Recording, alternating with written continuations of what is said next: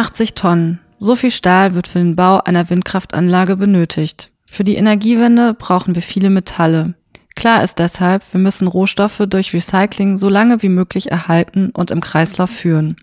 Wie das funktioniert und warum wir eine ressourcensparende Energiewende brauchen, darüber spreche ich heute mit Hendrik Schnittger.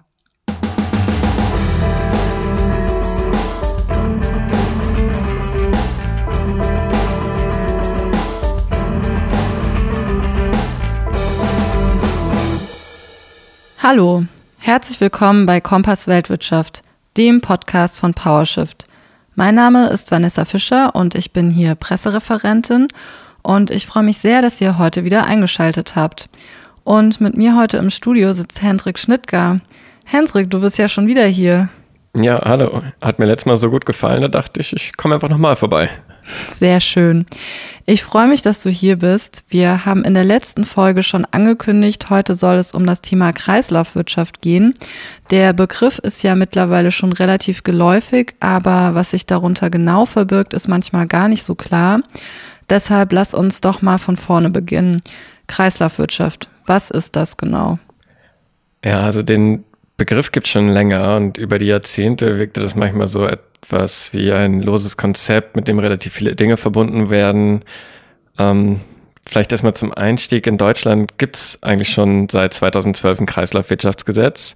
Das basiert aber eher auf einem vereinfachten Verständnis von Kreislaufwirtschaft, womit eher Recycling gemeint ist, also die Verwertung von Abfall.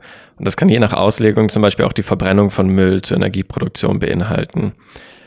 Mittlerweile tut sich da aber was und der Begriff wird mh, mm, von einzelnen Akteuren umfassender verstanden. Die EU-Kommission sagt inzwischen zum Beispiel, das Ziel von Kreislaufwirtschaft ist es, Produkte, Materialien und Ressourcen so lange wie möglich zu erhalten und immer wieder in den Kreislauf zu bringen. Und zwar, und das ist ganz wichtig, in gleicher Qualität. Was genau heißt denn in gleicher Qualität?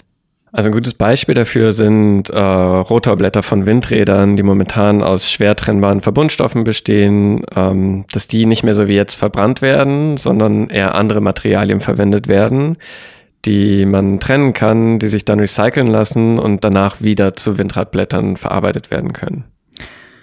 Mhm, aber warum werden Rotorblätter denn überhaupt verbrannt? Wir brauchen gerade doch ganz dringend ganz viel Windkraft, einfach wenn sie kaputt oder alt sind.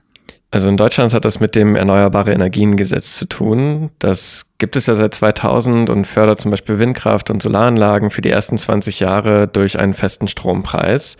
Und viele Windkraftanlagen fallen demnächst aus dieser Förderung raus und sind dann eigentlich nicht mehr wirtschaftlich für die Betreiber. Und dann gleichzeitig gibt es ja überall Flächenmangel.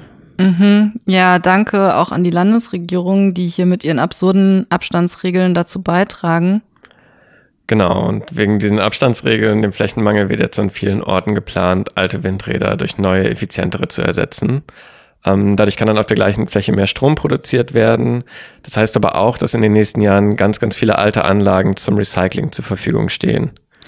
Es wäre natürlich cool, wenn man für die neuen Windräder dann gar keine oder kaum neue Materialien bräuchte. Was gehört denn sonst noch zur Kreislaufwirtschaft?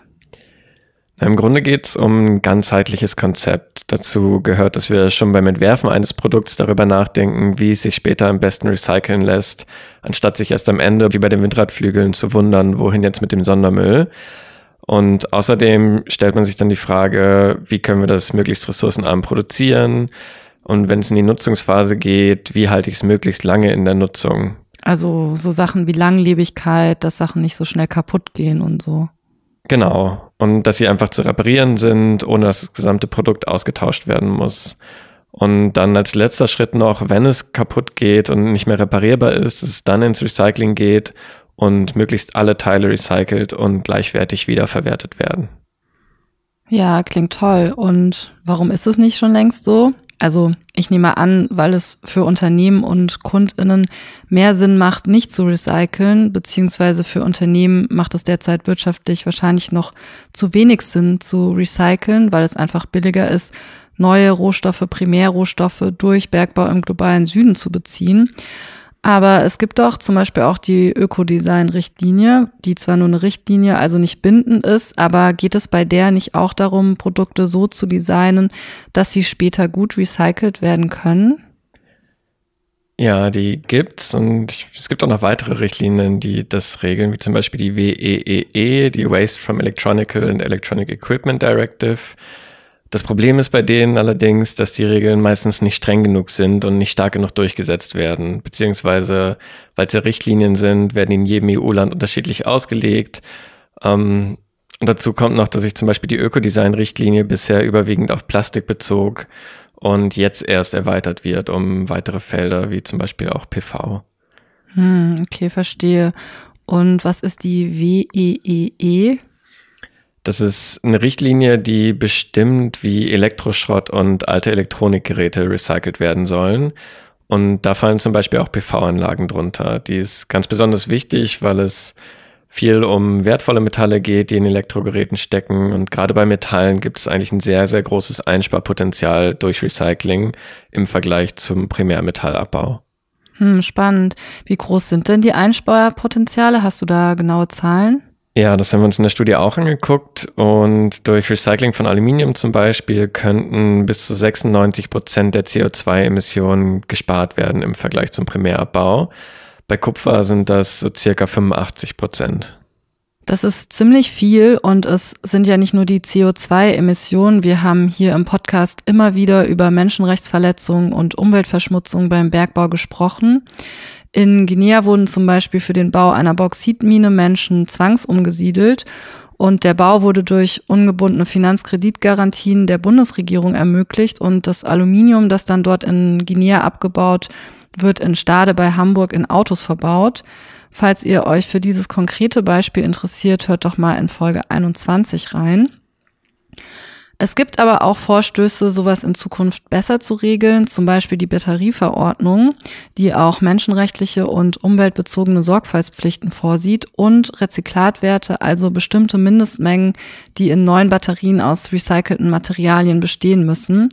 Leider wird damit aber nur der Bereich der Batterierohstoffe geregelt. Ja, das stimmt. Aber gleichzeitig könnte sowas auch zur Blaupause werden für weitere Gesetzgebung. Wir haben uns in einer Studie mit der Kreislaufführung von PV-Anlagen und Windkraft beschäftigt, weil hier in den nächsten Jahren ja mit ganz viel Schrotten zu rechnen ist, wie ich vorhin schon gesagt habe.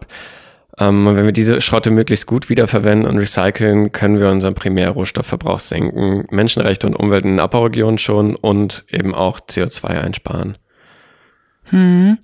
Und welche Recyclingmöglichkeiten oder Einsparpotenziale gibt es bei den Erneuerbaren? Also theoretisch könnten 90 bis 95 Prozent aller Materialien von PV-Anlagen und Windkraft recycelt werden, weil die Anlagen überwiegend ja aus metallischen Rohstoffen bestehen, die sich gut wiederverwerten lassen. Bei Windrädern könnte man also im Prinzip alles recyceln bis auf die Rotorblätter. Und wie sieht's in der Praxis aus? In der Praxis wird derzeit noch nicht so viel recycelt, weil es bis vor kurzem ja gar nicht genug alte Schrotte aus alten Anlagen gab, weil die Windkraft- und PV-Anlagen ja noch gar nicht so lange existieren. Deshalb ist bisher auch die Sammelstruktur nicht ausgereift. Viele Leute, die Solaranlagen haben, wissen zum Beispiel nicht, wo sie die entsorgen können und wer verantwortlich ist. Und deshalb gehen wir, wie auch viele Recycler, davon aus, dass wahrscheinlich viele Anlagen illegal exportiert und dann entsorgt werden. Hm. Soll daran denn in absehbarer Zeit etwas geändert werden? Es gibt ja inzwischen sogar schon Unternehmen, die seit einiger Zeit fordern, dass sie einen klaren Rechtsrahmen brauchen, um Recyclingquoten zu verbessern. Die VCT Group aus Kanada zum Beispiel schreibt auf ihrer Webseite über sich, wir verfolgen die Entwicklung von Recyclingoptionen genau und freuen uns auf eine Zukunft, in der die Solarindustrie eine echte Kreislaufwirtschaft erreicht. Ja, das stimmt. Viele Recycler scheitern dann aber oft daran, dass sie gerade nicht an genug Schrotte kommen, weil eben die Sammelinfrastruktur fehlt und es daneben noch viele andere bürokratische Hürden gibt. Andersrum, also wenn Unternehmen recycelte Rohstoffe in der Produktion nutzen wollen, ist es auch schwierig. Also bei Windkraftunternehmen, mit denen wir gesprochen haben, war es so, dass sie keine Daten aus ihrer Lieferkette haben, also gar nicht wissen, wie viel recyceltes Material eigentlich in ihren Produkten ist. Es gibt also noch viel zu tun. Was fordert denn PowerShift? Wir fordern eine Rohstoffwende und die Durchsetzung menschenrechtlicher und umweltbezogener Sorgfaltspflichten und in speziellen Bezug auf Kreislaufwirtschaft wollen wir eine Verbesserung und Ausweitung der Ökodesign-Richtlinie und der WEEE, e, festgelegte Recyclingquoten für alle Produkte, also auch für PV- und Windkraftanlagen und eben eine verbesserte Sammelinfrastruktur mit klaren Vorgaben und mehr Verantwortung für die Rücknahme von Produkten auch bei den Herstellern. Und neben der Erhöhung von einer Recyclingquote fordern wir auch, dass Produkte, wenn möglich, nicht gleich verschrottet werden, sondern erstmal probiert wird, sie zu reparieren, sie zu sanieren und wieder instand zu setzen, um deren Lebensdauer erstmal möglichst lange zu erhalten. Hm, ja, das klingt sehr sinnvoll. Das waren viele Informationen heute. Falls ihr ZuhörerInnen euch das alles nochmal in Ruhe durchlesen wollt, findet ihr die Studie natürlich wie immer in den Show Notes. Ebenfalls dort findet ihr den Link zum Spenden. Wir freuen uns natürlich über jede Spende, die unsere Arbeit überhaupt erst möglich macht. Wenn ihr nicht spenden könnt oder mögt, freuen wir uns natürlich auch, wenn ihr unseren Podcast liked, teilt und abonniert. Und ansonsten bis zum nächsten Mal. Danke euch fürs Zuhören und danke dir, Hendrik, fürs Erklären. Bis bald. Tschüss.